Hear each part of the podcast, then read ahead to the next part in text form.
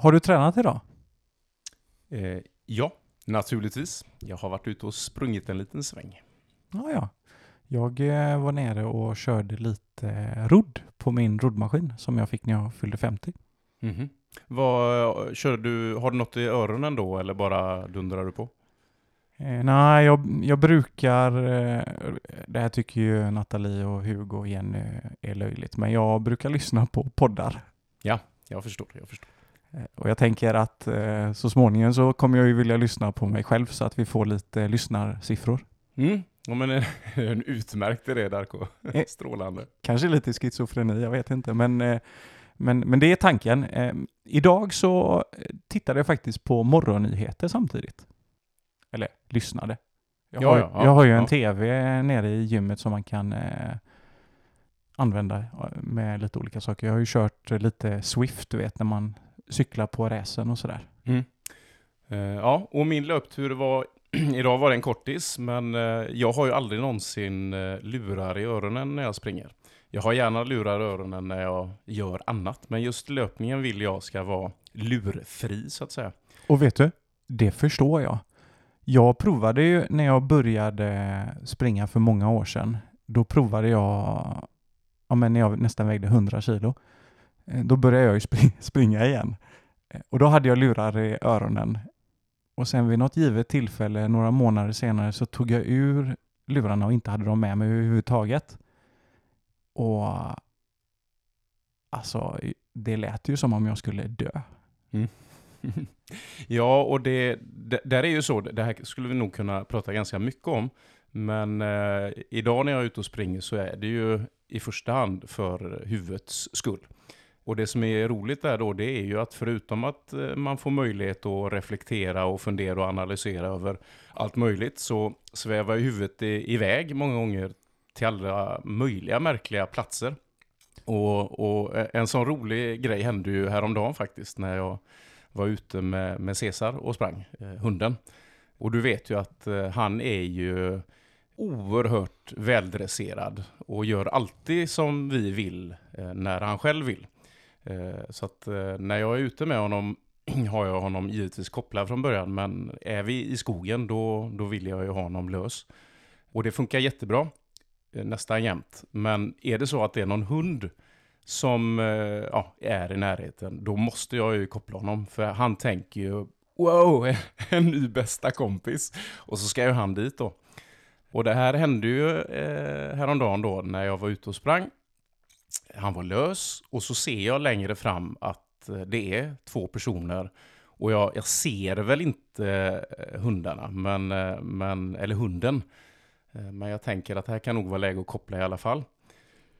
Och det här var ju en, en udda dag för att av någon anledning så var han och jag ute och sprang mycket, mycket senare än vad vi brukar vara. Så normalt sett så brukar vi inte träffa på så många i och med att vi är ute så tidigt då. Men jag kopplar honom och vi kommer närmare ett äldre par med en hund. Och det här är ju en liten stig i skogen och då blev det att vi stannade till lite. Och eh, ja, hälsa lite och, och sen sa jag kom nu Cesar så springer vi vidare. Och det ville han ju självklart. Eh, alltså inte med hunden i närheten, nej. Då säger kvinnan, ja, häng med, häng med husse nu. Och så springer han och jag iväg. Och apropå det här med att huvudet får tid att tänka på alla möjliga märkligheter så, så börjar det snurra i kupan lite grann. Husse, sa hon. I det här märkliga samhället vi lever i nu så hade jag ju kunnat ta illa upp. Antingen för min egen del eller å någon annans vägnar. Tänker du att hon använde fel pronomen? Ja, men hur kunde hon veta ifall jag identifierade mig som en husse? Lite fånigt, men där börjar jag tänka. Han, hon, hen, husse, matte. Vad skulle det heta om det var någonting annat? Är det Musse och Hatte eller eh, hur, hur får man till det egentligen? Eh, Mutte, Hasse och, och de här tankarna snurrar i mitt huvud. Så att jag skakar inte på huvudet åt mig. Det, så var det. Och, och i och med att det här snurrar omkring så glömmer jag att ja, men, koppla loss honom. Så vi springer där med koppel i skogen. Vilket inte är optimalt för att det är ju ganska stor risk att jag snubblar. Men det visade sig att det var ganska bra att han var kopplad för ganska snart då så träffar vi på fyra vuxna. Två hundar. Hundarna är lösa.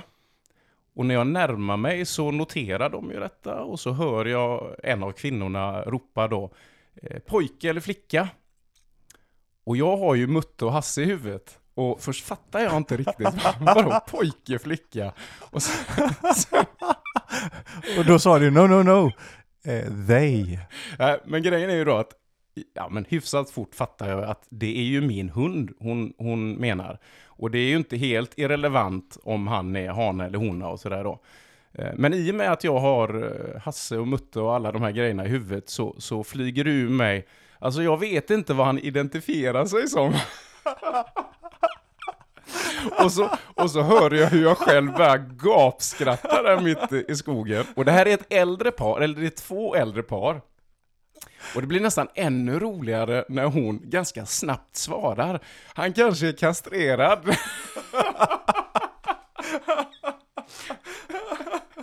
ja, och jag vet ju fortfarande inte idag, för vi sprang ju bara vidare. Jag vet ju inte om hon alltså var inne på samma linje om att nu driver vi lite med samhället och hur det ser ut idag. Eller om hon på allvar tänkte att han kanske var kastrerad då. Nej, jag tror nog hon var snabbtänkt. ja, det var lite roligt. fall. Men visst är det härligt när man, eh, vad heter det, träffar olika typer av människor i skogen.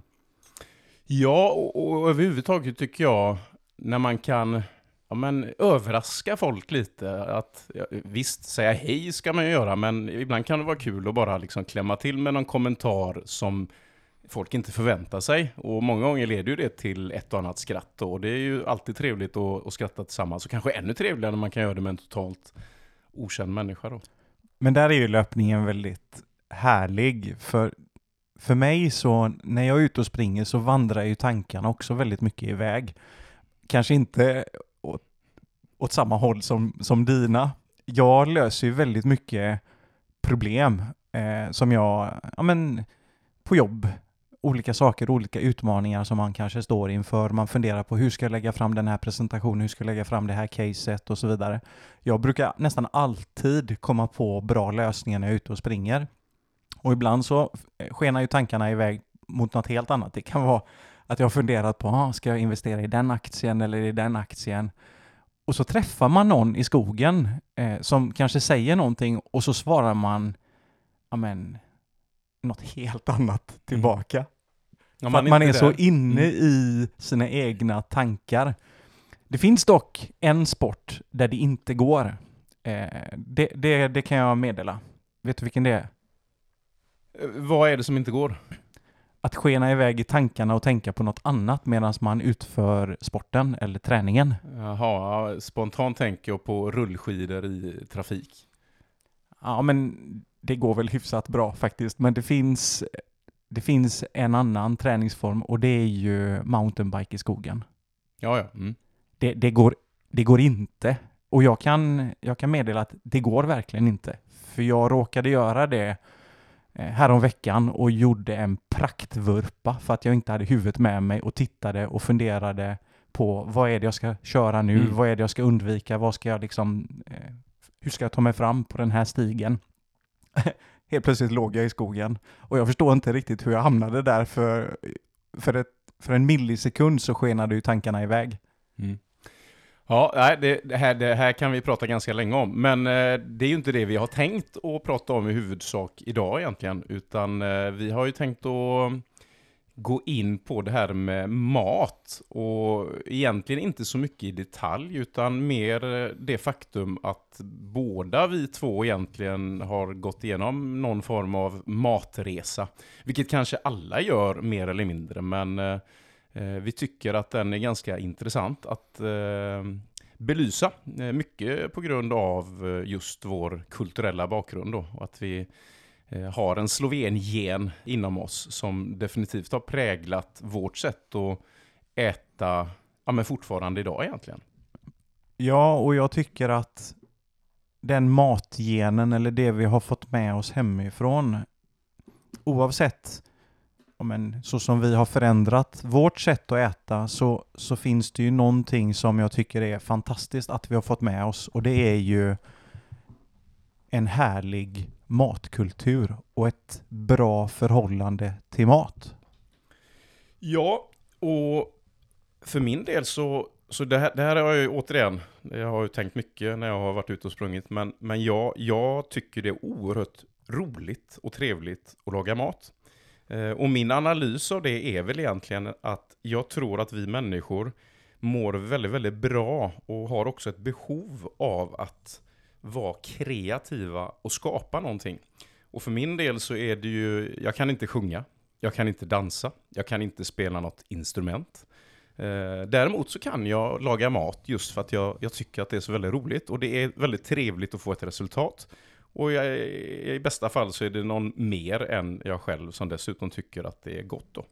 Ja men eh, både du och jag, vi är ju fantastiskt bra på att laga mat. Jajamän, absolut. Och vågar experimentera. Länge eh, frågade jag ju min fru, eh, Hörru, vad tror du om det här? Och, och det slutade jag ju med efter ett tag, för jag fick ju inte alltid de svaren, eller Som du ville ha? Nej, alltså ibland räckte det med att blicken eh, sa, men på riktigt menar du allvar. Eh, sen så gjorde jag ju de här grejerna ändå, utan att säga någonting. Och då visade det sig att det många gånger faktiskt blev väldigt bra. Men har du också fått ibland när du kommer med förslag, vad har vi för recept till det? Och så tittar du hålögt på din fru, bara vadå recept? Jag har ju i huvudet, jag blandar ihop det där med det där med det där och det kommer bli jättebra. Du, det där ordet recept, vad, vad betyder det? Nej, men jag håller med dig. Ibland kan jag kolla på något recept för att få en uppfattning om förhållandet mellan olika ingredienser. Men det finns ju inte på kartan att jag skulle följa ett recept till punkt och pricka.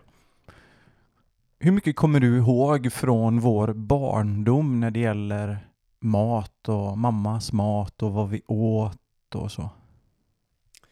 Det, det jag minns är ju att det var en självklarhet för oss att få lagad mat varje dag. Också en stor självklarhet i att det var soppa väldigt ofta. Eh, den jättestora bunken med sallad. Och eh, mammas ständiga brödbakning. Ingen hänsyn togs till vad vi tyckte om.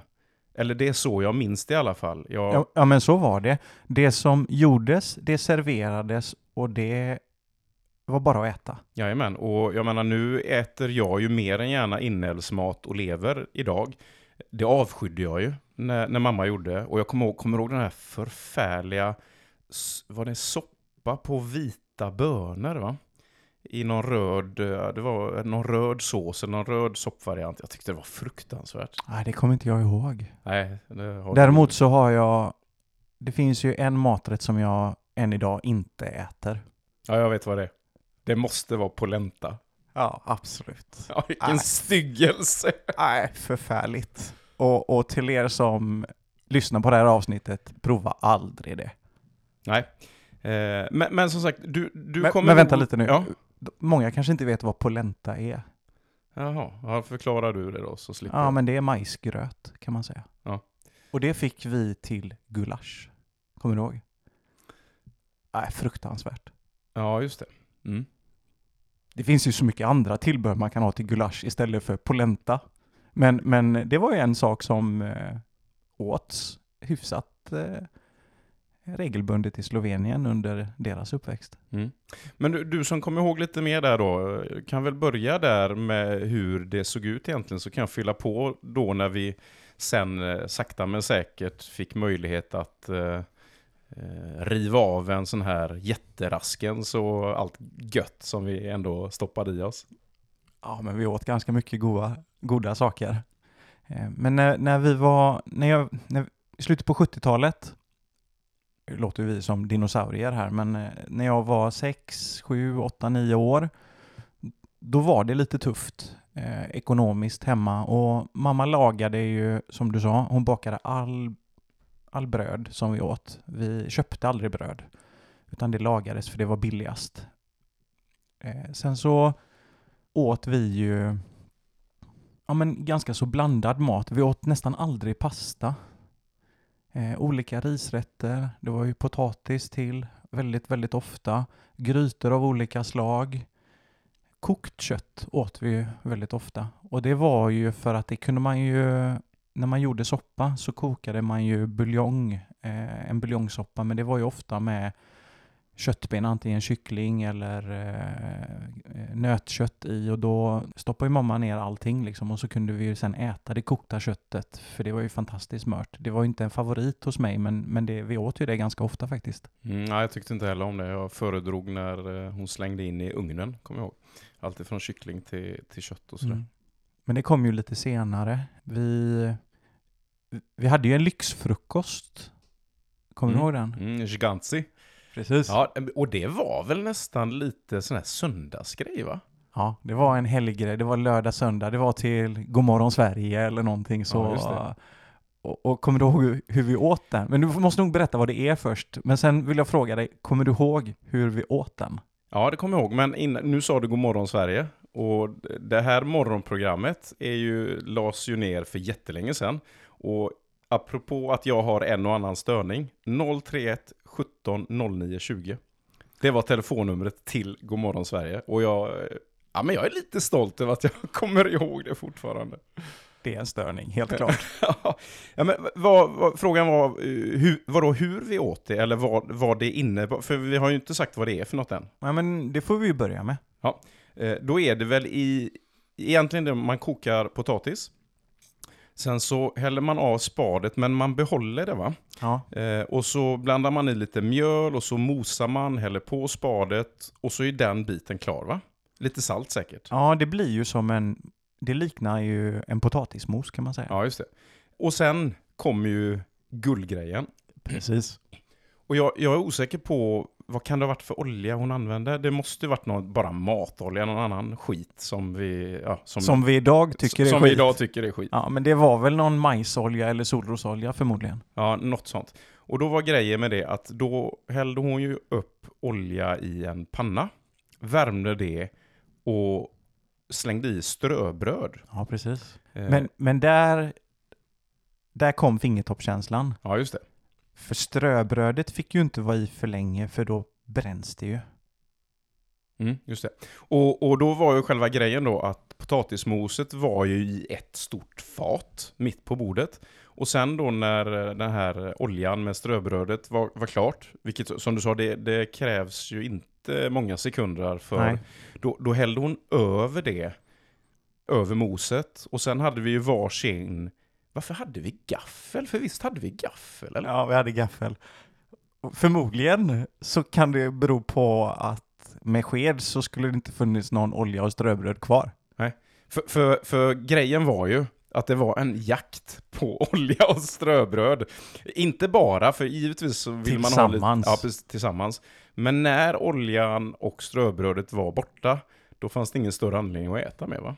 Precis, och då var man ju hyfsat mätt. ja, ja, men det är ett trevligt minne. Men vet du vad originalreceptet är då? Eh, Istället för olja och ströbröd. Men är det späck va? Ja, det är smält späck. Mm. Och egentligen utan ströbröd. Jag tror det där var en, en, en liten, eh, ett litet påhitt av mamma. Men eh, det var ett bra påhitt för det var ju för jäkla gott. Mm. Ja, det var en favorit för det. Jag har faktiskt testat att göra det till mina barn. Mm, jag med, men det var länge sedan nu. Ja, ja det var ett tag sedan för, för, för oss också. Tycker dina barn om det? Eh, det var så länge sedan så att jag minns inte. Däremot minns jag att första försöket så brände jag ju ströbrödet eh, naturligtvis. Ja, mina barn, de älskar Sganzi. Mm. Men jag gör det väldigt sällan. Mm. Apropå frukost. Kommer du ihåg den världsberömda havregrynsgröten? Mm. ja, den är ju den är svår att glömma, tänker jag. Det är briljant. Historien bakom, kommer du ihåg vad som hände? Ja, men mamma övergav oss. Så kan man väl säga. Det, det, är väl egentligen... Ja, ja, men det gjorde hon ju. Det, det var ju så att mamma... Ja, men hon började där lite då och då åka ner till Slovenien själv. Eh, Det fanns mycket att stå i där nere och pappa hade ju fullt upp med jobbet så han kunde inte hänga med. Och vi hade ju vårt med, med skola och fotbollen och sådär. Minns du hur gamla vi var? Nej det, nej, det gör jag nog inte. Vi bodde på Hisings backa. Mm, ja, då är det ju himla länge sedan. Det här har satt sig hårt. Okej, vi får väl avslöja vad det här handlar om egentligen då. Det var ju så här att eh, när mamma åkte ner då, då skulle ju pappa fixa frukost till, eh, till oss. Eh, och på den tiden fanns ju inte mikrovågsugnar så att eh, han skulle göra havregrynsgröt.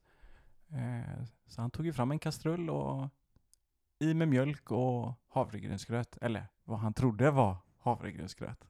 Och sen så serverades det till dig och mig på morgonen innan vi skulle till skolan.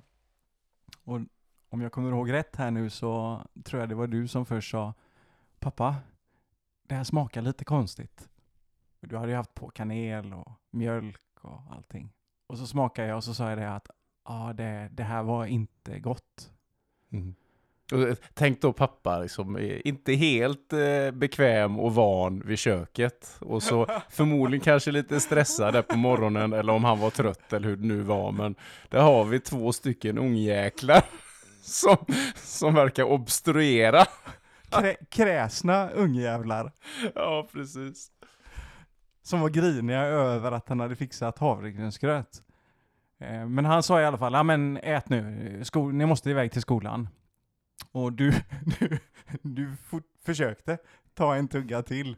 Och jag försökte ta en tugga till. Ja, och, och det ska vi tala om här nu då, att det, det, var, ju- det var ju så, och, och det har vi väl nämnt förut, att eh, det som serveras, det äter man. Och jag kommer ihåg otaliga gånger när jag har suttit ensam kvar vid matbordet, pappa hade diskat färdigt och så satt man där med det där man hade kvar på tallriken. Liksom. Det, det, det var ju en, ja, det var ju, inte att det hände jätteofta, men det hände ju.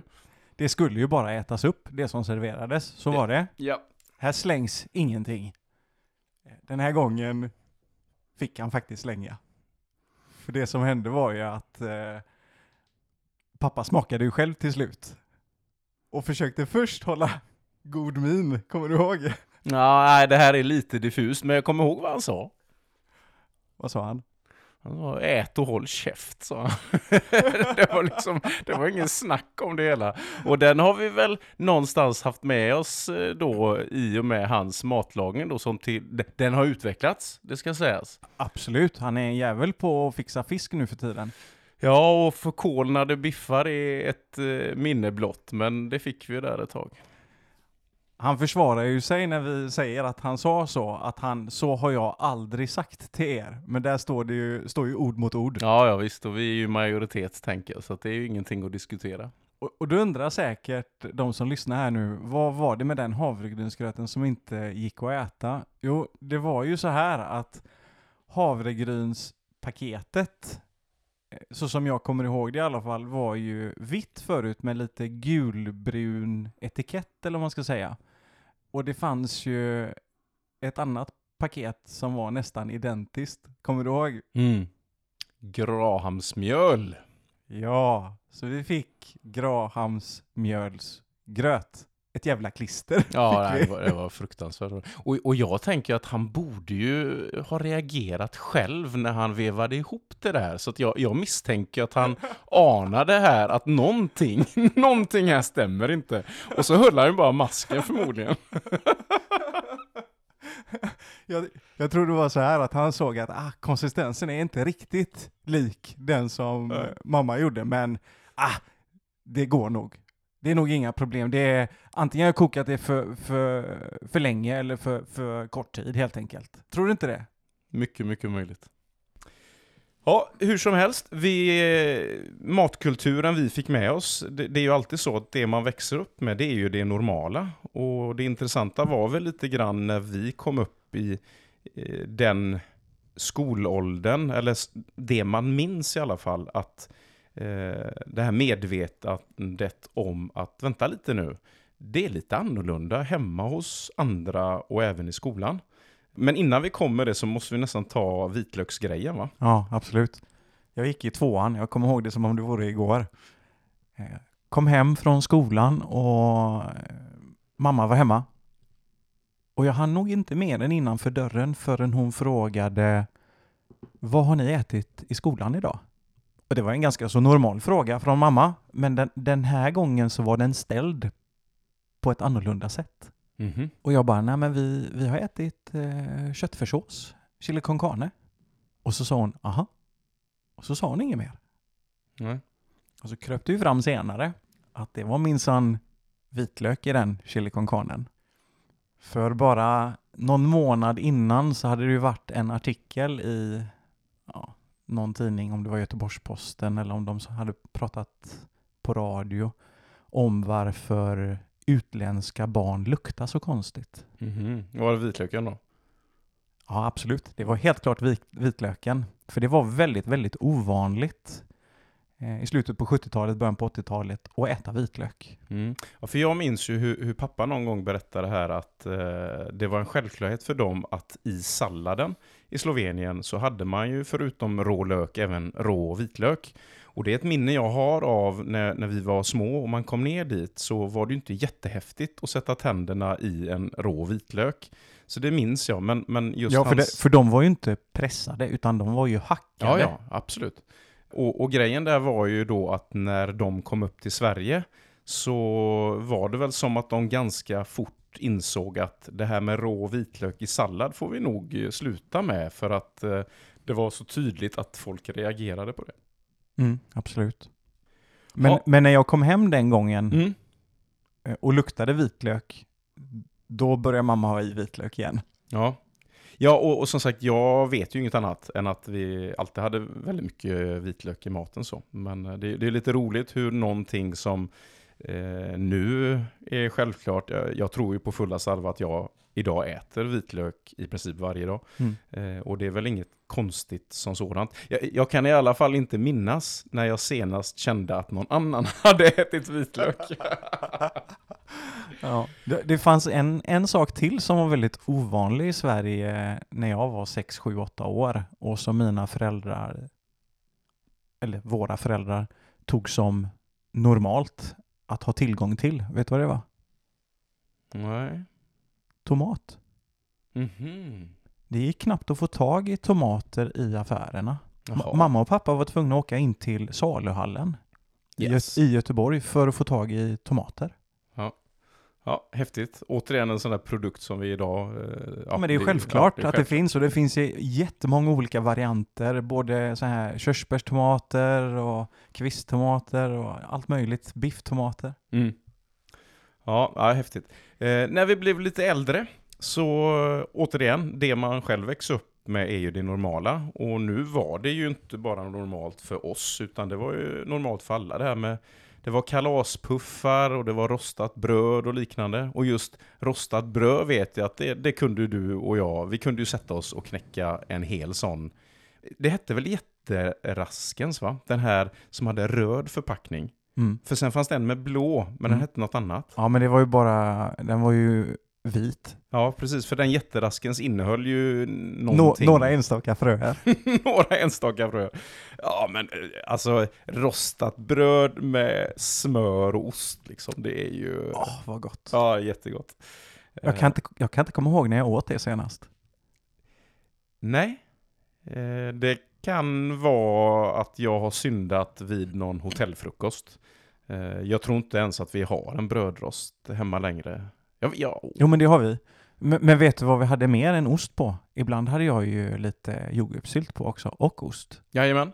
Eh, Inspiration från Polly äter sylt. Precis, Eh, någon som- fantastisk bok. Ja, eller hur? Ja, jösses. Det normala för oss då är ju faktiskt vad som kanske är normalt för många idag. För min del så hände ganska mycket i huvudet i och med Gunde Svan. Som var en stor förebild för mig. Han drack inte kaffe, då drack inte jag kaffe. Och han var väldigt noga med vad han åt, även om han då givetvis var sponsrad av AXA och det var mycket gröt och liknande. Men där fanns ju ingen... Idag pratar man ju ganska mycket om källkritik och sådär, men vi hade ju ingen annan uppfattning än att den maten vi åt var väldigt bra. Och jag tror att vårt rättesnöre låg i lagad mat eller inte. Och jag kommer fortfarande Ja, ihåg och, när jag... och absolut inget halvfabrikat överhuvudtaget. Nej, jag minns fortfarande, det var så stort för mig, jag kommer fortfarande ihåg min första burgare på McDonalds. Det var en cheeseburgare, jag tror jag kan ha varit 13 års åldern kanske? Ja, ja, vi, vi var ju inte åt på McDonalds eller någon annanstans under vår uppväxt. Det fanns ju inte på kartan. Nej. Jag, jag, vet att eh, jag vet att ibland så stannade ju eh, för jag, vi, jag tränade ju inne på Vallhalla, kommer du ihåg? Mm. Eh, och, och vi bodde ju i Landvetter och jag vet att när pappa jobb, eh, jobbade tidigt och körde mig till träningen in till Göteborg, då kunde vi ibland stanna till på hemvägen och köpa en hamburgare på ett Sibylla gatukök. Eh, Jaså? Ja, borta vid... Eh, ja, jag vet inte vad det heter, det motet där borta, men bort mot San, San Sifrids plan. Precis innan man ska på 40an uppför Kallebäcksbacken. Mhm. Där kunde vi stanna till och, och köpa. Och det, då köpte vi ju bara en och det var till mig så att jag fick äta. För det var hyfsat knapert ändå, men det var ett sätt för honom att ge mig mat. Mhm. Ja, det låter ju högst orättvist. Det betyder att du blev introducerad för det här innan mig. Och de var jättegoda de hamburgarna. Ja, givetvis. Ja, hur som helst så... Men, men för mig, ja, om Gunde Svan var det för dig, så var det nog inte så för mig. För mig var det nog i, jag var väl 15, 15 år tror jag, 16 år, när jag spelade i ÖIS och den här elitsatsningen som gjordes på oss juniorer i ÖIS.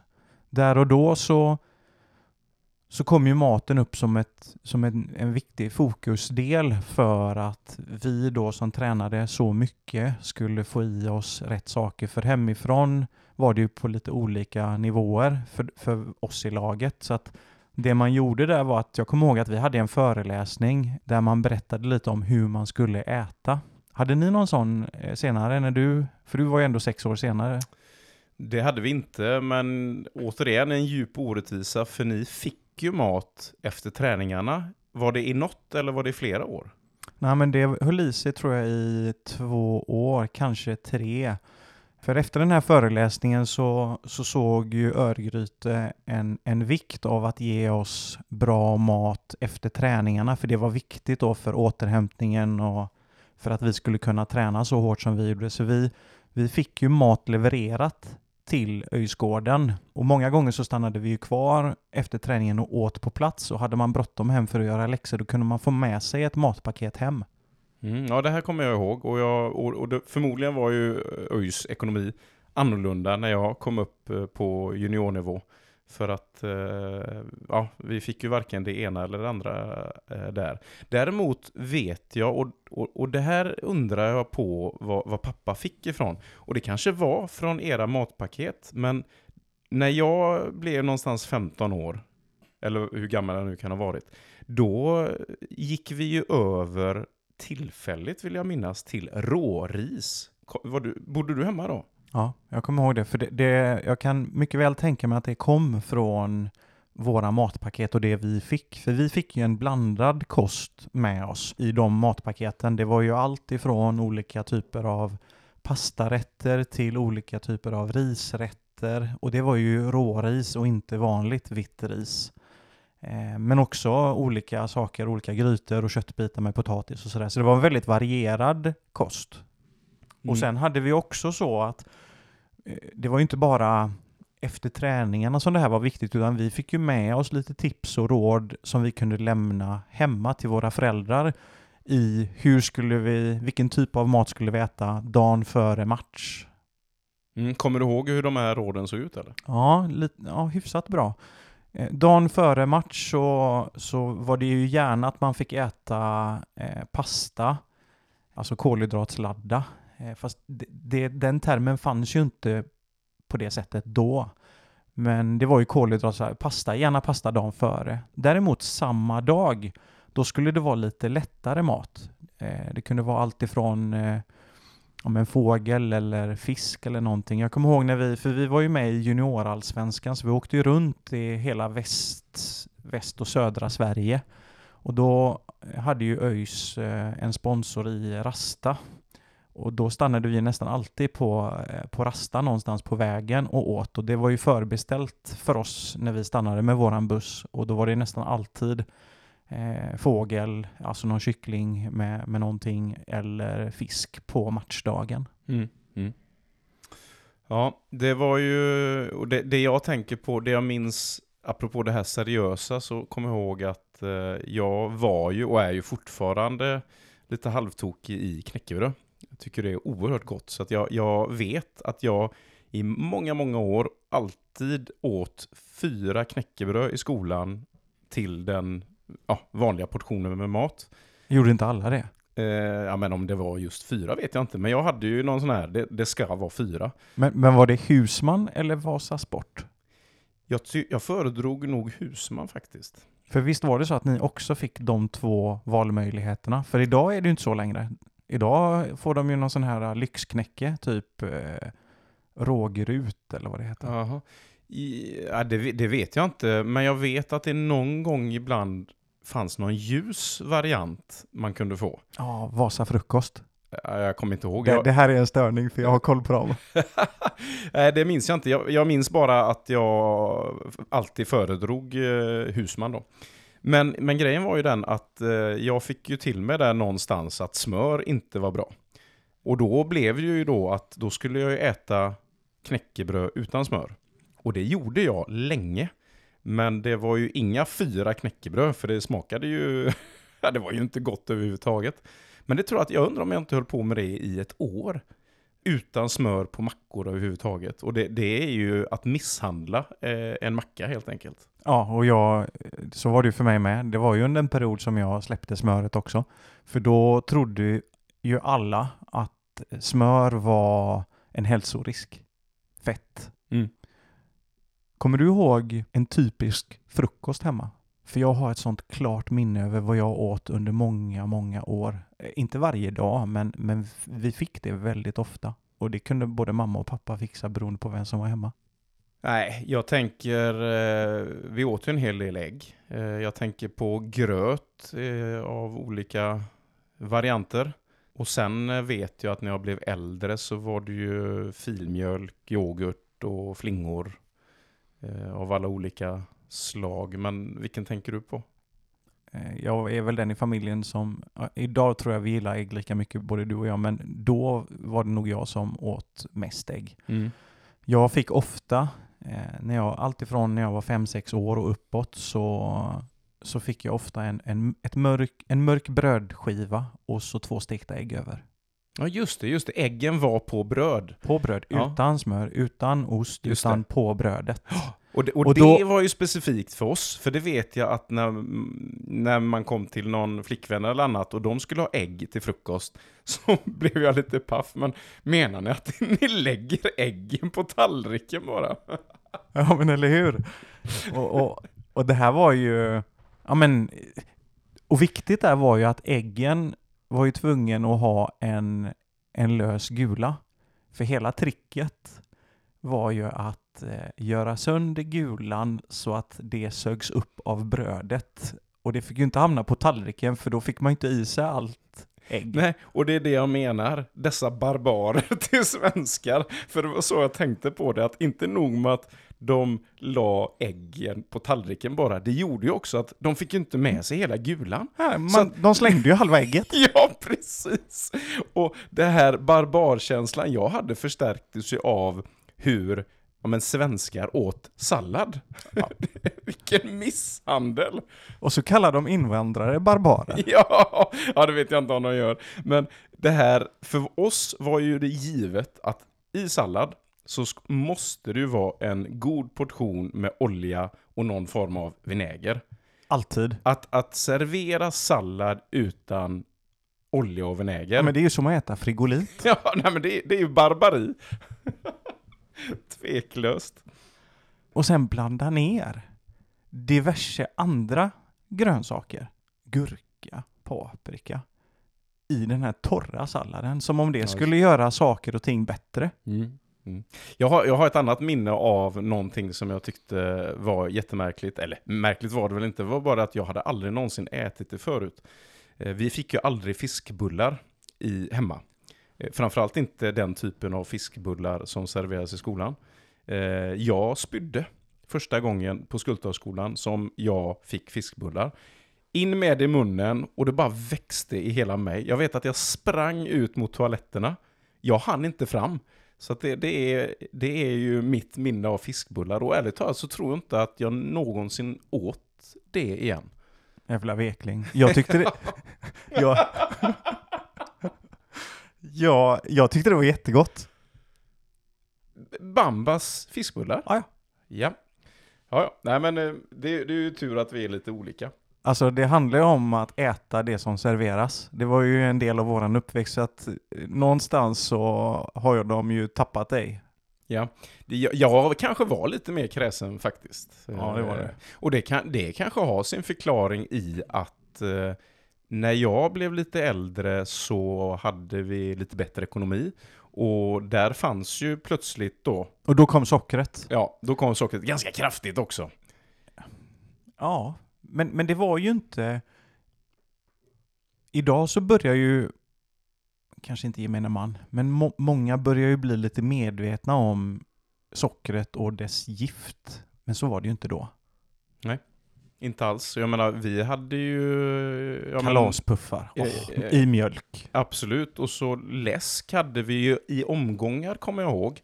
Ja, men det var en sak som, som vi drack under många, många år. Kommer du inte ihåg? Ja men de här, vi köpte de här backarna med päronsoda nej, nej, och allt nej, vad det nej, var. nej, nej. Vinbärssaft. Ja just det, just det. Vi hade ju väldigt mycket vinbär eh, när vi bodde i Landvetter. Och då, alltså enorma mängder vinbär. Så att mamma gjorde ju vinbärssaft i Landvetter. Och det blev så många flaskor så att vi klarade oss nästintill till nästa års skörd. Ja men det gjorde vi. Och så var det ju sen även i Partille. Ja det stämmer. Och det Och var ju det- faktiskt så att det var ju en måltidsdryck oavsett om det var frukost, lunch eller middag. Det drack ju Ja, vi. men inte till frukost. Jo, jag drack det till frukost. Ja, det gjorde nog inte jag. Men... Nej, men eh, ja, jo, nej, men det minns jag mycket väl. Eh, Hur som helst ska vi gå framåt i tiden lite grann. Absolut. Så, så för min del så var det ju eh, en stor skillnad i intaget eh, när jag blev så pass gammal så att jag, jag, jag minns, jag jobbade ju på McDonalds under min utbildningstid. Och det som hände där var ju framförallt att jag var ju, jag försökte ju naturligtvis att inte äta maten där så mycket, så pass medveten var jag. Samtidigt så var det ganska roligt då, för att då skulle jag ju vara duktig och ha med mig mat. Och då kunde jag, jag kommer ihåg hur jag hade med ja, men, vanliga pannkakor, x antal, och så mina underbara knäckebröd då. Så att det tyckte jag då var en, en väldigt bra ersättning till vad jag kunde få på McDonalds. Eh, sen så drack jag ju kopiösa mängder med Coca-Cola. Ja, jag tänkte väl att du skulle säga det för att det, det är någonting jag minns. Eh, försök nu inte vara duktig och säga att du inte åt början när du drack så mycket Coca-Cola. Du drack ju enorma mängder. Ja men jag, jag, visst jag åt väl en och annan burgare men det var ju lite grann en ekonomisk fråga för att det var ju inte gratis och visst jag tror att vi fick betala halva priset men, men eh, de pengarna hade ju inte jag och sen så var jag ju någonstans eh, då medveten, eller jag trodde att jag var kunnig och medveten om vad jag stoppade i mig. Och det var jag ju utifrån vad jag visste på den tiden. Men jättemycket Coca-Cola dracks det och det, det var ju någonting som jag slutade med tack vare att jag träffade Katarina då eh, i vuxen ålder. Eh, För hon drack inte det överhuvudtaget. När kom förändringen då? Jag fick en bok av min dåvarande, eller dåvarande, min nuvarande hustru är det ju fortfarande faktiskt. På, på en, ja herregud. Vi Eh, kanske behöver klippa det här. Ja, nej, nej, herregud, det, det gör vi inte. Men jag fick en bok på en naken man springandes på en strand av min hustru. Och, och det var Jonas Koltings bok eh, Den nakna sanningen, eller En naken sanning. Jag minns inte här nu vad den heter. Eh, Det, det, det var mycket den boken som intresserade mig. När var detta ungefär? Jag måste ha läst den 2011 någonstans tror jag. Förutom att där stod om kost, lågkolhydratkost, paleo, så stod det ju också om krämer, solskyddsfaktorer, fasta och lite allt möjligt. Och jag minns så väl att någonstans i boken, det borde ha varit i början, så hade han en mening som satte sig ganska kraftigt i mitt huvud. Och det var någonting i stil med att jag kommer i den här boken inte att hänvisa till forskning på olika sätt. Jag vill att du använder ditt sunda förnuft och tar in det jag skriver här och funderar på, är det här rimligt och logiskt? Kan det finnas någon bäring i det här?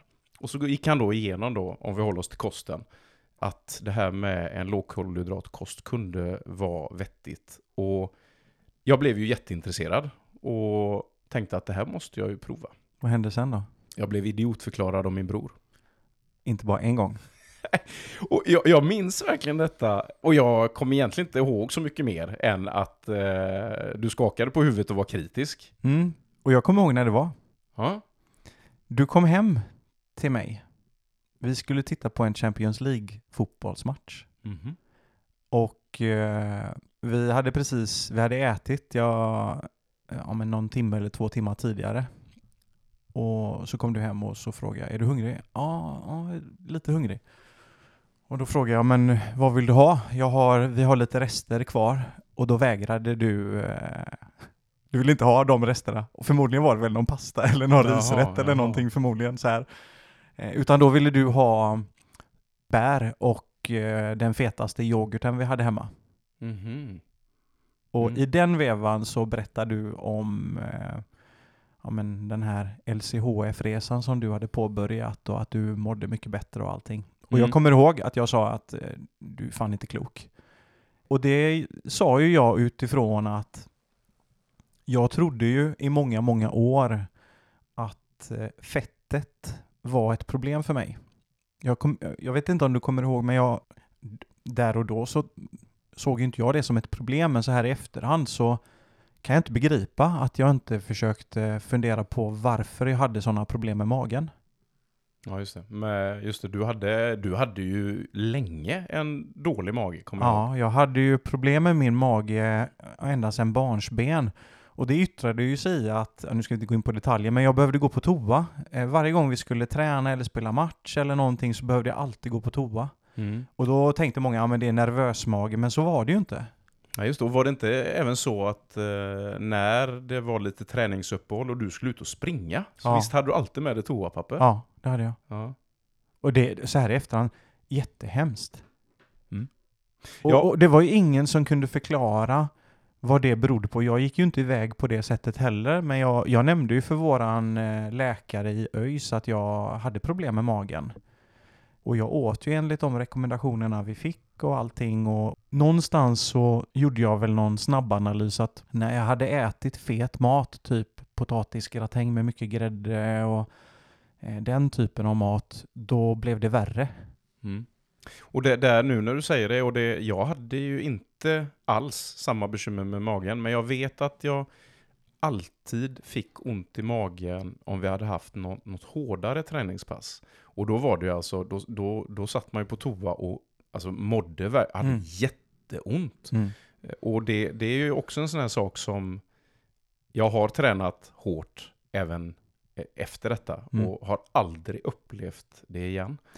Och det, det, var ju det här som gjorde att jag mer eller mindre idiotförklarade det, för jag tänkte att det kommer aldrig funka på mig. Nej. Nej, och, och ska jag vara riktigt ärlig så inser jag att matresan började nog lite, lite tidigare.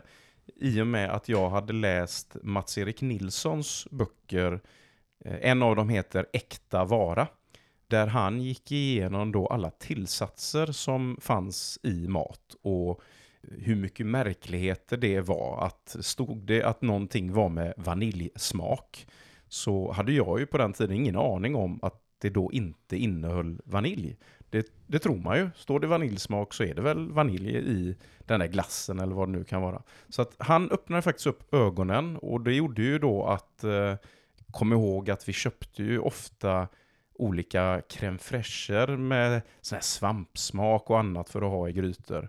Och men, det, men, det la vi ju av med där. Ja, men tror du inte lite den naiviteten kom hemifrån. För vi var ju så vana vid att mamma lagar allting från grunden, så vi kanske var naiva och trodde att det var riktig vanilj i.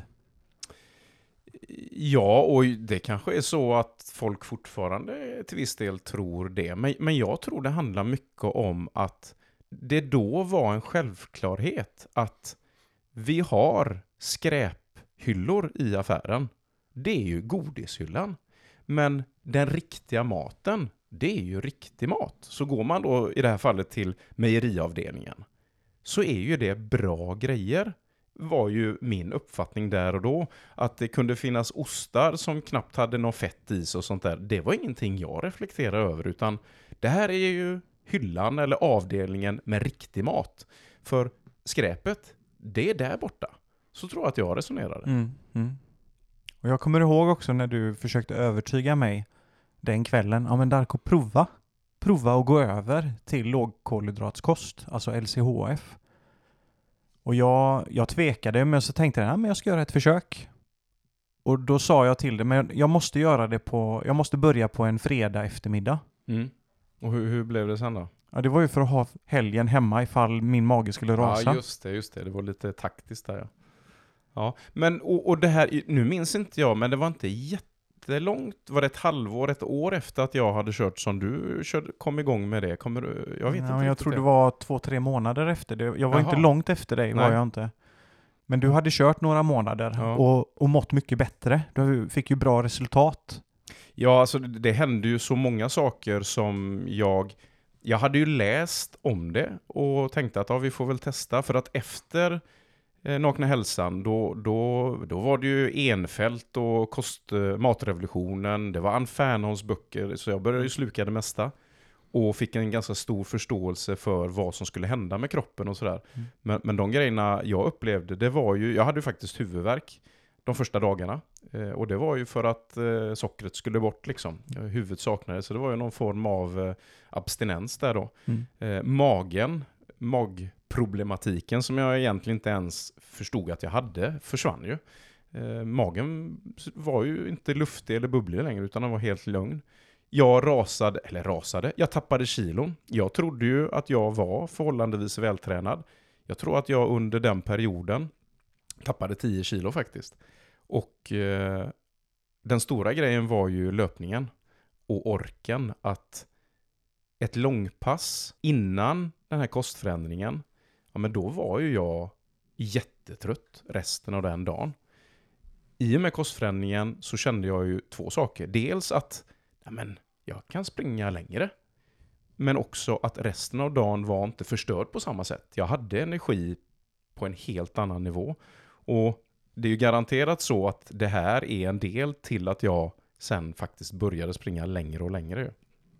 Ja, och för mig var det ju, jag började ju läsa Ett sötare blod som Ann Fernholm hade skrivit. Du sa det, men läs den här boken om du inte tror på mig. Så jag läste den och jag kommer ihåg att jag läste den, jag läste igenom den ganska fort. Och när jag hade läst igenom den, då gick jag till köket, tog fram en stor sopsäck slängde allt. Halva köket blev ju tomt. Mm. Vi hade ju så mycket skit hemma som Jajamän. jag trodde var bra grejer. Men det, det åkte, så när, när Jenny kom hem från jobbet så fanns det inte mycket kvar. Och då la jag boken på, på köksbordet, kommer jag ihåg, och sa det, läs den här. Mm. Och jag hade ju gått upp i vikt ganska mycket eh, under åren där. Eh, lite självförvållat för att jag mm, hamnade i lite konstig situation med träningen och allting och sådär. Och så fortsatte man äta som man gjorde innan så att eh, jag närmade ju mig 100 kilo. Och jag var ju fet som en gris. Ja, men det är kvinnornas fel där också.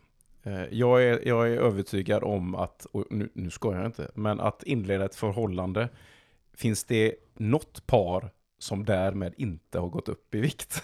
Va? Jo, jo, men för mig höll det ju på i må- många år.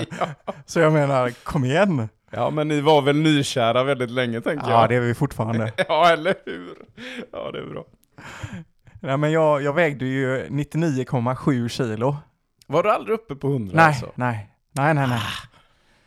Och när jag såg den här jävla 100-märket, jag bara, i helvete heller, inte jag. Eh, Så det passade ganska bra med att prova något nytt. Mm.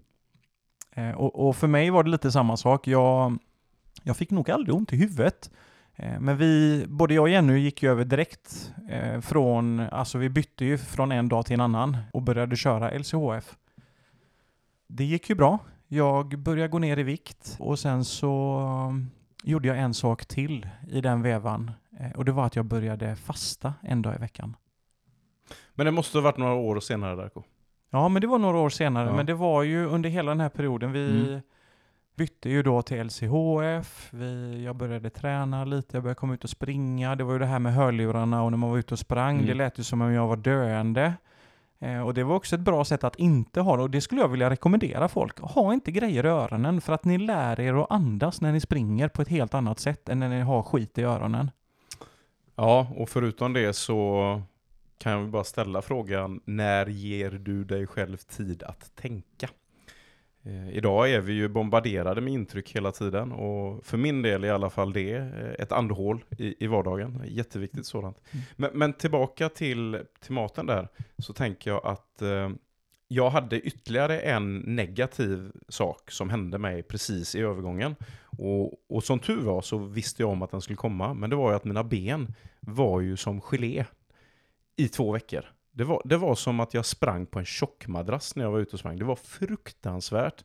Men återigen, det var ju den här omställningen till att kroppen skulle börja förbränna fett på ett mycket bättre och effektivare sätt. Men Mm. det var en tydlig period som var jättejobbig innan det började kännas bra. Och då var det ju inte svårt att fortsätta äta på det sättet. Dels för att jag teoretiskt kände att, eller hade fått till mig att amen, det här är bra. Men när man också fysiskt då märker av många positiva förändringar så motiverar det ännu mer. Och där måste jag också lägga till det faktumet, det som hände med, med Katarinas eh, psoriasis. Eh, hon hade ju, eller har ju, psoriasis, men hade det ganska kraftigt när vi träffades. Jag minns ju jag fick eh, smörja in hennes hårbotten med, ja, vad det nu var. Vad heter det? K någonting. Som man har eh, när man... Eh,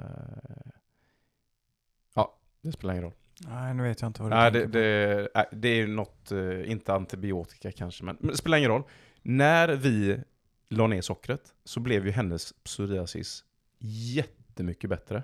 Och det var ju ganska häftigt och vi hade ju aldrig tidigare haft koll på att det fanns någonting, eh, att de här inflammatoriska sjukdomarna, att man kan påverka inflammationen i kroppen beroende på hur man lever och äter. Mm. Eh, och att man kan äta bättre saker, sämre saker. Men det var så tydligt att bort med sockret och kolhydraterna så blev den psoriasisen oerhört mycket bättre.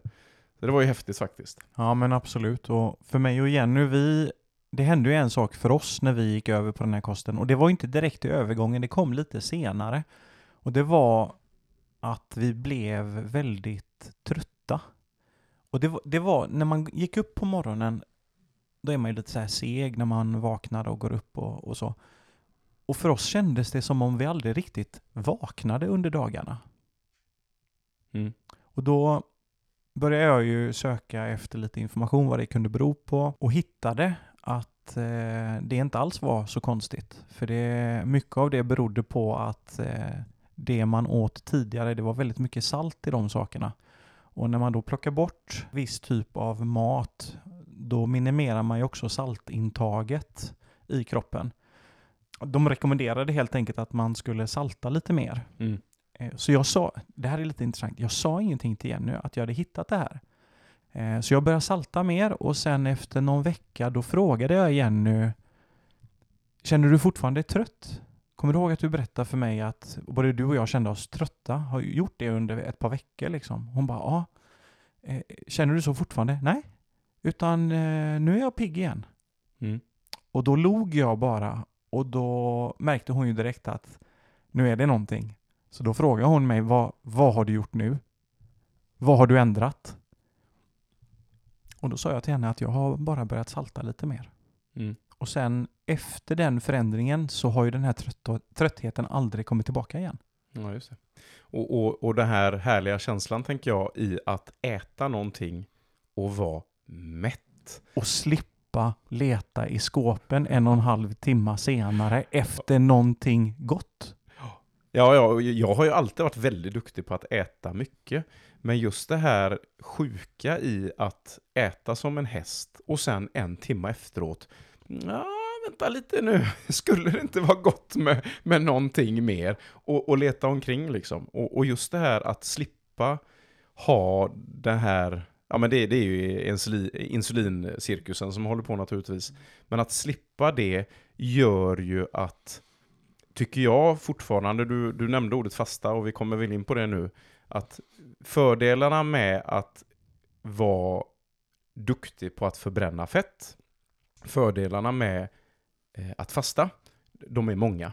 Men bara detta att slippa vara en slav under tanken att jag måste äta snart igen. Mm. Eh, och, det, och det var ju faktiskt någonting vi märkte på våra barn. För att, eh, ja. Men det var ju stor skillnad på sommarloven och sen när de började skolan igen. Ja, ja, jätteskillnad. och, och det, här, det här är värt att berätta. På sommaren så åt de så som vi lagade mat mm. dygnet runt med alla de måltiderna och vad det innebar. Men i skolan så fick de ju skolmat. Mm. Och, och det slog aldrig fel att när sommarlovet var så ibland så kunde vi ju glömma av lunch. För det var ingen som sa att de var hungrig. Men när de kom tillbaka till skolan och, och de kom hem och precis hade ätit mellanmål på skolan eller om de slutade tid, tidigt direkt efter lunch så dröjde det ju knappt en halvtimme så var de hungriga igen. Mm. Och, och, det här är ju, tycker jag viktigt nu när jag minns tillbaka på det, att 2012, 2013, då är alltså i alla fall mina barn, vad är de då? Då är de sådär 6-4 år va? Och det var självklart för mig och, och så småningom även Katarina att det här är ingen diet som vi provar på lite plötsligt här nu, utan vi är fullt övertygade om att det här är viktigt för oss alla att prova och äta på det här sättet för att se vad som händer. Och det var klockrent att det var ju även barnen mådde jättemycket bättre av detta. Och som du säger, just det här Ja, men de behöver inte ha mat varannan eller var tredje timme, utan det kunde faktiskt vara så. Så att, eh, ja, men vad skönt, nej men då, då behöver vi inte stressa till maten, det ordnar sig. Och visst, vi blev hungriga, de blev hungriga så småningom, men inte panikhungriga. Nej, nej. In, inte det här blodsockerfallet som, som många får. Jag vet ju, jag har jobbat på lite olika ställen och det finns ju människor och medarbetare som jag har jobbat med som mer eller mindre nästan ja, men blir rabiata innan lunch. Jag måste ha mat, jag måste ha mat nu. Liksom. De, de funkar inte. Nej. Och jag, det är så tragiskt. Ja, det är det. Eh, det är, ja, det, det, det är ju överhuvudtaget att vara under bojorna av någonting. Oavsett vad det är. Det kan vara mat, det kan vara kaffe, det kan vara andra saker som styr ens liv. Det är ju för mig är det en, en ofrihet faktiskt. Att, att vara så styrd av någonting annat. Jag gillar ju tanken på att, nej men hallå, jag kör min bil. Jag bestämmer vad, vad jag vill göra, behöver göra. Det är inget utifrån som ska bestämma det åt mig. Ja men precis. För min del blev ju fastan lite avläs... Eh, ja men det blev hjälpen till min viktnedgång. Mm. För jag började ju äta utifrån ett lågkolhydratsperspektiv. Men eh, jag, jag gick ner eh, lite. Och för mig så var ju det positivt då, för jag ville ju inte väga 99,7. Eh, min matchvikt låg ju någonstans på mellan 80 och 82, 83 någonting. Så jag hade gått upp ganska många kilo där. Men när jag började fasta en dag i veckan och jag, när jag även började träna regelbundet, då började jag ju rasa i vikt. Mm. Ja, och det, det, här är ju häftigt för att jag hade ju ingen ambition att gå ner i vikt, utan det bara hände. Jag blev faktiskt lite förvånad. Det var, det var absolut inte anledningen, men det var ju häftigt att se vad som hände med dig. För när vi tittar, när vi idag tittar på kort på dig från den här tiden, ja, då, då, blir man ju lite paff där. Ja, herregud. Jag var ju fet som en gris. Nej men jag kan ju säga det själv, det är inget kul att höra från någon annan, men, men på riktigt. Jag var tjock. Och jag, men jag trivdes aldrig i det. Men för mig var det svårt att komma ur de delarna. Och jag, det här var förlösande för mig, för jag fick den hjälpen utan att behöva gå hungrig och svälta sig själv. Mm. Så kunde jag äta gott, bli mätt, jag kunde träna på och jag kunde orka att träna. Och återhämtningen ska vi inte prata om.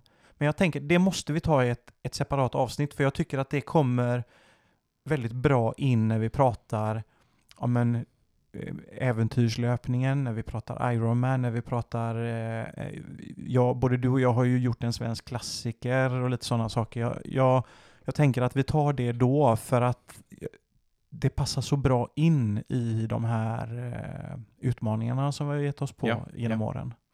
Eh, jag vill ta upp två, två negativa aspekter med det här. Det ena är att det är oerhört jobbigt när i alla fall vi kände att vi var lite ensamma om det här. För egen del inga problem, men det här med barn. Det var jobbigt att vara den enda föräldern som tvingar ut sina barn att leka. Det hör inte hit riktigt, men det är samma sak med kosten det här med vad man ha, har för tankar om hur mycket godis ens barn ska äta och massa sådana här saker. Att försöka vara restriktiv där när ingen annan runt omkring, och då menar jag klasskamrater och kompisar och grannar och, och de, de som finns runt omkring en, att när de inte är på samma, har samma tankar om detta så är det oerhört jobbigt faktiskt att alltid vara den som ska stå emot och så vill man inte göra ungarna till utomjordingar heller och så får man gå någon märklig mellanväg. Men, men det, det tyckte jag var väldigt jobbigt. Och, och just så, ja, vi ska inte prata barnuppfostran i största allmänhet, men det har ju varit det jobbigaste tycker jag med föräldraskapet. Ja, och jag kommer ihåg att vi tyckte det var väldigt jobbigt att man i skolan skulle fira allting med socker. När de hade gjort ett prov eller när de hade gjort en, en, ett projekt, en inlämning, så skulle det firas med socker. Och så var det ju ganska ofta på låg och mellanstadiet. Och Ja. vi, vi tog upp det på ett föräldramöte och alla andra föräldrar och lärare tittade på oss som vi vore några jävla utomjordingar när vi tog upp det. Mm. Ja men du vet, eh, fredagsmys, lördagsgodis och släktkalas till höger och vänster och så skolan på det och ja, det, det, blir, det blir ganska kraftigt på ett år. Utan Men- tvekan. Men någonstans så är det ju så att för de som lyssnar, vi äter ju socker ibland. Men det måste ju finnas en skillnad på vad man vardagligt stoppar i sig och eh, när man tillåter sig att det är kalas och fest. Mm, definitivt. Det andra problemet som jag upplevde med detta, det var att när man upplever någonting som är väldigt, väldigt bra, så vill jag väldigt ofta förmedla detta till andra. Och mat, har jag fått lära mig, är oerhört personligt och känsligt att diskutera med andra. Vet du, jag har slutat med det. Ja, ja, ja det har jag gjort sedan många år Jag, tillbaka. jag försökte under en period att förklara den resan som jag har gjort. Du vet, det finns ingen förståelse. Och det blir så mycket diskussioner och då tänker jag bara, nej men okej, jag, jag slutar med det. Eh, mättat fett, ägg, kolhydrater, olika fetter hit och dit. Det är, nej, det är oerhört känsligt. För det är så personligt vad man stoppar i sig. Och då har ju detta faktiskt lett till ja, men lite problematik. Att eh, folk eh, tycker inte, är inte öppna för att lyssna och, och ha, liksom ta till sig lite grann då. Och, och jag menar bara det, faktum, om vi nu tar mättat fett som ett exempel. Varför skulle någonting vara farligt för oss som naturen ger oss? Men ja, vi går inte in på det mer, men det, det, det var faktiskt en väldigt jobbig del tyckte jag i början. Sen så hade jag ju vett att bara sluta liksom, att är någon intresserad så får de fråga. Jag upplevde också att ju mer pålästa vi blev, desto svårare var det att ta en dialog eller prata med andra. För att många har ju en förutfattad mening om vi nu tar LCHF då, lågkolhydratskost. De tror ju till exempel att vi inte äter grönsaker överhuvudtaget. Mm. Våra vänner vet ju lite hur våra middagar ser ut när, de, när man kommer och hälsar på oss och stannar över middag och sådär. Och vi, vi äter ju sallad nästan till varje måltid på ett eller annat sätt. Ja, och sen så anpassar man ju lite när man vet att det kommer besök och sådär. Eh, och eh, det är ju inga konstigheter att, stoppa i sig sånt som inte tillhör vardagen när man är någon annanstans. För det blev ju en annan grej att folk blev ju osäkra på när man skulle komma på middag. Att, ja men herregud, vad ska vi laga? Så, men vi, Och- vi äter det som serveras. Och det tyckte jag var jättejobbigt faktiskt. Mm. När, de, när de frågade bara, vi vet inte riktigt vad vi ska laga. Och, och jag sa det, men, men laga det ni känner för. Ja, men ni äter ju inte det. Jo, vi äter det som bjuds när vi är bortbjudna. Vi fick upprepa det ganska många gånger till väldigt nära och kära. Men jag tyckte det var lite, ja, men lite tragiskt ändå. Eh, samtidigt så var det ju av väl med, de menade ju väl. Ja, absolut. Hur som helst så var det ju inte helt eh, problemfritt, men, men det här är ju många år sedan nu. Och eh, Mm. idag, eh, det är också ganska roligt det här hur man i början är osäker. Och den osäkerheten många gånger leder till att man är väldigt strikt och kanske lite rabiat. Man vågar inte ta ut svängarna och vad händer nu om jag slarvar med att äta det eller det. Men med åren så har man ju fått lära sig ganska bra. Och, och för, för, för min del, eller för vår del, så har ju den här matresan fortsatt i att testa att inte äta grönsaker överhuvudtaget, ta bort mejerier och fram och tillbaka, Eh, äta rödbetor eller inte, potatis. Så, så att någonstans så finns ju en lågkolhydratskost, eh, men den är ju väldigt flytande. Det går lite fram och tillbaka. Nu, just nu är vi inne i en period där vi nästan bara faktiskt serverar kött och smör, höll jag på att säga, till, till middag.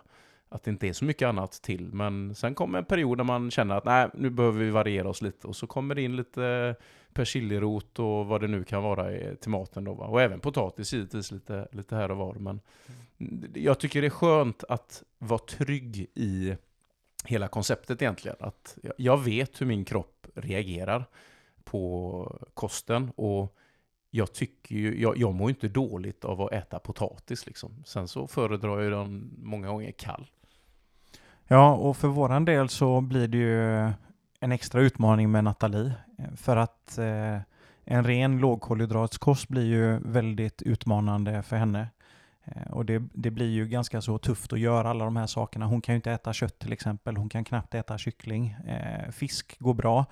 Potatis funkar, pasta funkar, så vi försöker väl eh, minimera lite vetemjölet, vi försöker minimera sockret och eh, göra lite olika varianter på, inte alltid kanske potatismos utan ibland broccolimos eller blomkålsmos eller gratänger och sådär. Så att, eh, men, men man får ju hitta lite sin, sin grej som funkar för familjen, för det måste ju funka för familjen eh, samtidigt som vi har samma utgångsläge som ni har. Mm. Ja, och funka för familjen tycker jag är extra roligt att du nämner i och med att jag de senaste åren har eh, gått in ganska hårt vad gäller inälvsmat.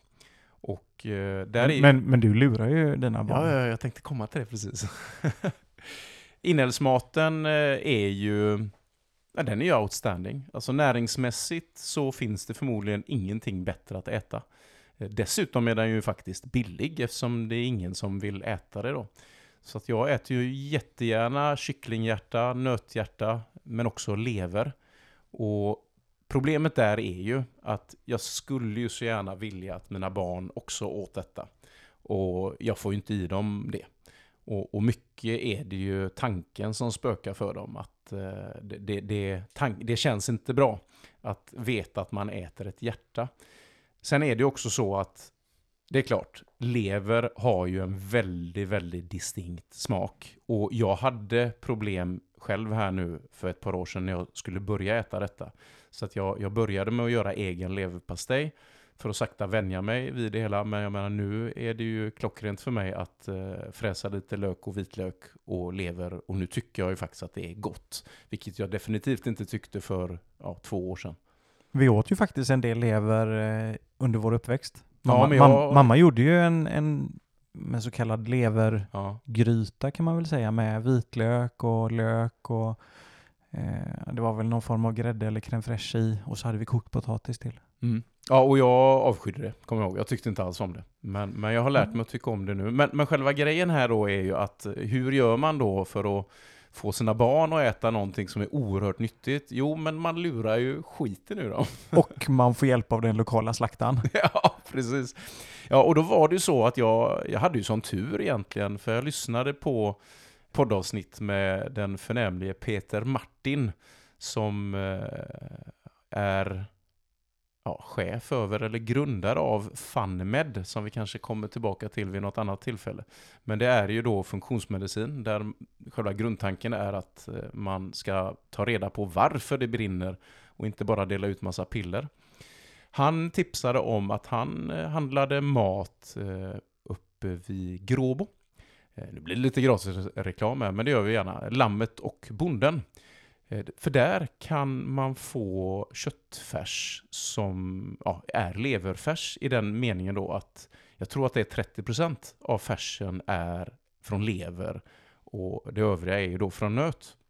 Ja, och det som är så bra är att de, eh, om man beställer det så blandar de det åt en. Ja, men precis. Så att eh, man får de här paketen färdig, färdigblandade då. Och det Eh, gick jag, blev jag jätteglad över och tänkte att jag undrar här hur, hur det här kommer funka. Så att, eh, och tänkte jag att ja, men rikligt med kryddor Daniel så, så borde det väl funka. Så att jag, jag minns att första maträtten jag gjorde var ju givetvis tacos då. Det är spiskummin så att det bara sjöng om det. och de tyckte det var gott och det här vet de ju inte om fortfarande idag. Jag får hoppas att de inte lyssnar på det. Eller rätt sagt, den ene har faktiskt eh, klur, han, han råkade höra när, när, när Katarina och jag hade ett samtal. Men som tur var så var det ju den av dem som är minst äckelmagad.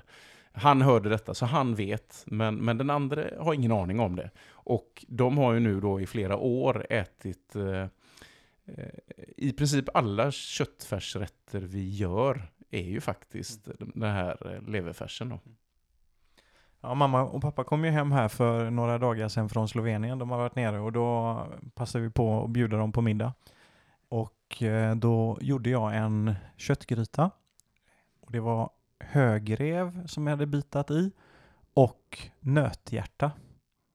Och så fick det puttra i fyra timmar eller ja. Mm.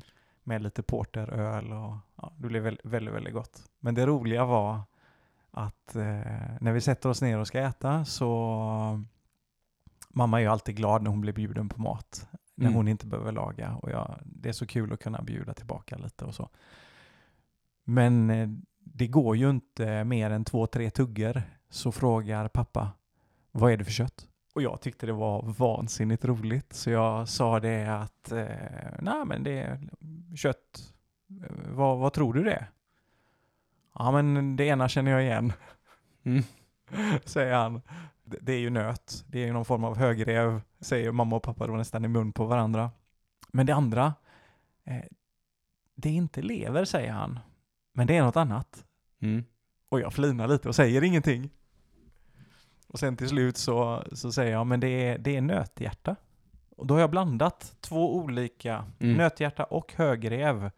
Och ja, men det blev en fantastisk kombo. Det, var det är ju lite olika konsistens ja, på det. högrev som har puttrat länge, för det kokar ju nästan sönder.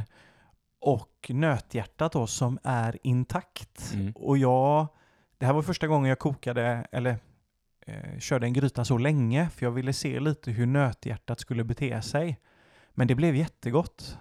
Men hur? konsistensen var lite om, fastare? Ja, lite fastare. Ja. Ungefär lite som halloumi. Ja, ja, okej. Okay, okay. Fortfarande. Ja, för jag har aldrig gjort det i gryta, utan jag har antingen grillat det, eller så har jag fräst det på, på panna då. Och, och det häftiga där var ju att eh, det blev eh, mörare när jag grillade det. Jaha. Mm, ja. det blev, så att det, ja, det I skivor då, eller? I skivor, ja. Det måste jag prova. Mm. För, det, för er som inte har provat nöthjärta, eh, gör det. Det var jättegott och det, det har inte en så stark smak som lever. Nej, om du skulle ge en liten sammanfattning av hur ni äter idag. Jag tänker eh, mängden kött, fisk, fågel och sådär på en vecka. Hur, hur ser det ut ungefär Darko? Ja men vi äter ju kött, fisk, fågel hela veckan. Mm. Vi försöker minst en gång i veckan äta fisk. Övriga dagar är det ja, men fågel eller nöt eller eh, gris. Mm. Till det så ja, det blir faktiskt ganska ofta potatis, sötpotatis. Ja. Och det är lite för Nathalies skull, för det har en mjuk konsistens. Hon kan få i sig det med mycket smör och, och så. Eh, sen har vi ju minimerat salladen lite. Vi äter lite sallad men inte varje måltid. Ibland kan det bli att vi kör lite avokado och fetaost. Mm, ja, men det, det är ju... Och, och det är ju middagarna. Jag äter ju inte frukost överhuvudtaget. Nej, nej. nej Det har, jag, det har inte jag gjort på jättemånga år och jag mår mycket, mycket bättre eh, att inte göra det. De gångerna jag äter frukost så mår jag ganska kass sen hela dagen. Ja, någon frukost, eh, det var länge sedan. Men, eh, men då, det påminner ju ganska mycket. Vi, vi, vi tillagar fisk en gång i veckan, kyckling en gång i veckan och resten är ju då kött av något slag. Jag är ju oerhört förtjust i lamm, så det vill jag gärna ha hemma. Så det är väl egentligen det som jag har att tillägga. Eh, men så vi kokar ju buljong en gång i veckan. Ja, vet du, jag hade önskat att vi fick till det en gång i veckan också, men det blir inte riktigt en gång i veckan. Däremot så uppskattas det varje gång Mm. jag kokar buljong av hela familjen. Mm. Och inte bara liksom att ja, men nu, nu har vi buljong innan maten, utan man kan gå och ta en, ett glas buljong när som helst på dagen eller på kvällen. Mm. Ja, men eh, först och främst, det räcker ju att dricka buljong bara av den anledningen att det är så himla gott. Ja, fantastiskt gott. Eh, Sen så, eh, jag menar om man ska gå in på näringsinnehåll och kollagen och lite allt möjligt så är det ju väldigt nyttigt. Men att komma hem en helg efter en lång eh, löprunda så tycker jag alltid det är trevligt att få i sig något varmt. Och får jag välja mellan te och buljong så kommer jag ju aldrig någonsin välja te i alla fall. Ja, och jag tycker det är extra gott de dagarna jag fastar. För jag blir alltid lite frusen på eftermiddagarna när jag fastar eh, 24 timmar. Mhm. Från middag till middag. Det slår aldrig fel och det, även om jag är van vid och har gjort det i många, många år så, så fryser jag lite på eftermiddagarna. Och då, då är det ju mycket bättre tycker jag att ta lite buljong än att gå och ta en kopp kaffe till, typ åttonde koppen. Ja, just det. Du vet väl om vad, vad problemet är, Darko? Jag var ju sån också ett tag, men det är ju borta nu. Ja men kallbad. Ja. Jag vet och jag, jag, eh, jag, gjorde, jag körde ju det en vinter eh, och jag tyckte det var jättehärligt och bra. Men jag fick ju problem med mina skenben. Jag har ju en liten variant där med mina blodådror. Så Mm. när jag kallbadade då sprack mina blodådror på skenbena. Och när jag slutade med det så läckte de ihop och de har inte spruckit sedan dess. Nej. Så jag vet inte om det beror på kallbadet men det var det enda jag kunde härleda till. Ja. Eh, mm. Ja, det är lite synd för det är ju himla skönt. Ja, jag tyckte det var fantastiskt skönt när man är ute och springer och så det sista man gör det här är att slänga sig i, eh, i Kåsjön och sen har vi 800-900 meter hem. Och man fryser ju aldrig den vägen, man är ju varmare än någonsin när man springer sista biten hem. Mm. Ja, jag önskar att jag kunde göra det. men Jag, jag, får, jag tänkte jag skulle få prova igen och se om eh, det spricker igen. Och gör det det då får jag helt enkelt lägga ner. Vad syndar du helst med? Jag brukar säga, jag har tre saker som jag är svag för. Det ena är chips. Och nu, nej, inte några sådana här salta chips. Det, det måste ju vara djävulens påfund. Utan riktiga chips. Det är den ena biten. Den andra är, jag är barnsligt förtjust i prinsesstårta. Jag tycker det är jättegott.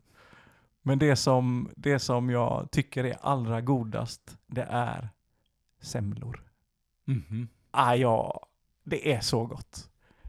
Jag är lite irriterad, faktiskt. För man kan inte gå och köpa en semla om det inte är säsong. Nej, just det. Du kan köpa all annan skit under hela året. Men en semla, nässe dö. Det kan du bara köpa från slutet på november till påsk. Vill du ha en semla på sommaren? Det går inte ens att beställa. Visst, man kan göra själv, men om vi nu pratar om att man eh, kan beställa eller köpa sig en semla. Nej, det går inte. Jag har frågat på vårt lokala konditori och då säger de att eh, nej, det är inte säsong. Det, Ja, lite. Det, det är lite störigt faktiskt. Lite lustigt för hade de inte lussebullar i oktober? Jo, jo. Och de, de tweakar och gör all möjlig skit med den där lussebullen, men en semla kan de inte ha. Och, Nej, och sen, sen är det en grej till, och jag vet inte riktigt, det är det här. Det är ingen som har respekt för det traditionella längre. Ja, just det. Har du märkt vad de, vad de flesta konditorier nu gör med sina semlor, med locket? Ja, men det är ju så här Darko, att det här med konditori finns ju i min pensionärsplan. Och jag har inte kommit dit än, så nej, jag har inte koll. Men om jag nu ska synda någon gång, Ja, då, ja. då kan jag väl få köpa liksom, eh, ja, eh, trekantiga lock. Jaha. Vad ska jag med det locket till? Eh, Obegripligt. Och, och, och när man tar av locket på vissa semlor, då ser man mandelmassan. Då är det inte ens grädde under. Alltså, det här gör mig upprörd. Ja, du, du hör ju här liksom. Det här är så viktigt för mig att nej, om jag nu vill synda med en semla, ge mig en riktig semla. Men, men okej, jag- jag är med. Semla, prinsesstårta och chips. Ja men eh, högst upp på den stegen är ju semla. Sen är det ju Okej. chips och sen är det ju prinsesstårta. Ja, Ja, och- ja för dig då? Ja, men jag har ju bekymret att jag är eh, grav, en grav sockermissbrukare. Jag tror du är värre än vad jag är egentligen. ja, ja, det, ja, jag vet inte hur illa det är ställt eh, är med det, men jag, jag, är ju, jag har ju jätteproblem med detta. Jag, jag kan ju inte ha, vi kan inte ha gott hemma. Det finns inte på kartan att jag skulle låta det vara i fred. Så det enklaste är ju bara att liksom, ja, det får vara tomt. Men eh, så jag har nog lite svårt att säga vad jag tycker är godast. Men eh, jag har kommit fram till att tanken på godis är för mig väldigt mycket godare än när jag väl äter det. Är det plockgodis då? Ja, det, det spelar väl nog ingen roll. Men jag, jag, jag tycker alltid att tanken på godis är godare än när jag väl äter det. För att det är sällan jag äter det och känner, ja ja, det, det blir ju gott där. Men i och med att jag bara dönar i mig så det är ju ingen trevlig känsla efteråt på något sätt. Jag uppskattar choklad väldigt mycket mer. Sen är det ju så att den stora grejen för mig är nog eh, chips faktiskt. Och det har vi nu länge, länge varit så snåla med. Så det har oftast varit någonting vi har ätit hemma i samband med ja, men, någon genomförd tävling. Eller om jag har kommit hem från någon långlöpning så har det blivit lite så här extra firande. Liksom. Sen är ju glass löjligt gott alltså. Ja, nej det är inte riktigt min... Eh, jag, jag tycker om glass, men min svaghet med glass är att då måste jag äta kopiösa mängder. Ja, det var fint. Och nu hade ju just, jag vet inte om de alltid har det, men Triumfglass här i Partille hade ju sån här eh, utförsäljning. Och då var det ju lite jobbigt då i och med att det var ju inte sån här halvlitare, utan det var, var det fem liter? Tio? Ja, jag vet inte. Ja, det var ju... Det var väl en sån bytta som de tar ur, tar ur när de eh, serverar, när man köper. Ja, nej det var inte bra att ha en sån hemma, det kan jag tala om. Jag fick springa ganska mycket där för att stilla samvetet. Men, men ska vi ställa en fråga till lyssnarna så kanske de kan gå in på våran, eh, vårat Instagramkonto, strids.podd. Och så kanske de kan eh, gå in och kommentera. Vad syndar ni med när ni väl syndar? Ja, just det. Och strids stavas S-T-R-I-C. Punkt podd med två D. Ja, det kan ju vara lite spännande. Det hade varit vad, kul. Vad, vad folk har för smak. Precis. Ska vi avrunda med eh, middag? Vad blir det för middag? Eh, idag, jag vet egentligen inte varför, men av någon anledning så har vi någon sån här matlagningsvin i kylen som är öppnad. Ja, jag, jag vet inte, jag kan inte minnas. Det måste varit Katarina som tillagade någonting med det. Så att vi sa att det måste vi ta tillvara på innan det blir dåligt. Så att det blir någon form av fisksoppa. Tänker jag med en bas av eh, tomat, fisk och så får vi se om vi eh, får i lite persiljerot, palsternacka eller någonting kanske. För att få det till att vara lite mer än, än bara fisk just. Citron kan vara gott till. Ja, något sånt blir det. Hemma hos oss eh, kommer det bli eh, omelett idag. Vi fick lite köttfärs över från igår och eh, då använde vi den köttfärsen som innandöme i omeletten med Ja, jag tänkte nog fräsa upp lite bacon och blanda ner i den köttfärsen och så gör vi en, en omelett med rikligt med god ost Mm. till ja, alla utan Nathalie. Nathalie får ju en, eh, jag lägger i lite skinka där i istället för köttfärs, för hon kan inte svälja köttfärs. Så då får Mm. hon en omelett med skinka i istället. Jag är ju löjligt stolt över min omelett. Den äter jag ju flera gånger i veckan faktiskt. Eh, Så det då måste jag ju få dra det receptet när jag ändå är igång. Ja, kör. Ägg, givetvis. Salt. Sen har ju jag lök, hackad lök och vitlök i. Och en hiskligt massa ost. Sen är det inte så mycket mer där. Men däremot så syndar jag kraftigt då genom att jag har majonnäs och chipotle på. Som jag rör ihop. Och liksom brer på så att det är som på en macka. Så brer jag på det. Och så dessutom så... Ja, jag vet inte hur mycket smör jag lägger på. Men det, det måste ju täcka omeletten då. Så att jag, jag skivar ju smöret, lägger på det. Och jag kan säga så här. Man behöver inte äta mer sen. Det, det, det, det är inte svårt att stå sig på den måltiden. Fyra ägg har jag. Mm. En, en snabb fråga bara. Har du osten bara inuti? Ja. Har du testat någon gång i en stekpanna och skiva ost och lägga i en teflonpanna och sen hälla över äggen och göra omeletten som du brukar? Mm. Nej, det har jag aldrig gjort. Det har jag aldrig gjort. Det är vansinnigt gott. För osten, den smälter ju och karamelliseras och blir ju som ett sånt här ostlager utanpå. Mm. Ungefär som man köper sådana här ostfrallor, kommer du ihåg? Ja, okej, okej. ja. Det blir jättegott. Mm, kan vara läge att eh, prova det. Ja, ja, men då är vi laddade och klara tänker jag. Absolut, och det är väl eh, bara att önska eh, smaklig måltid och så tackar vi för idag. Det gör vi. Tack och hej.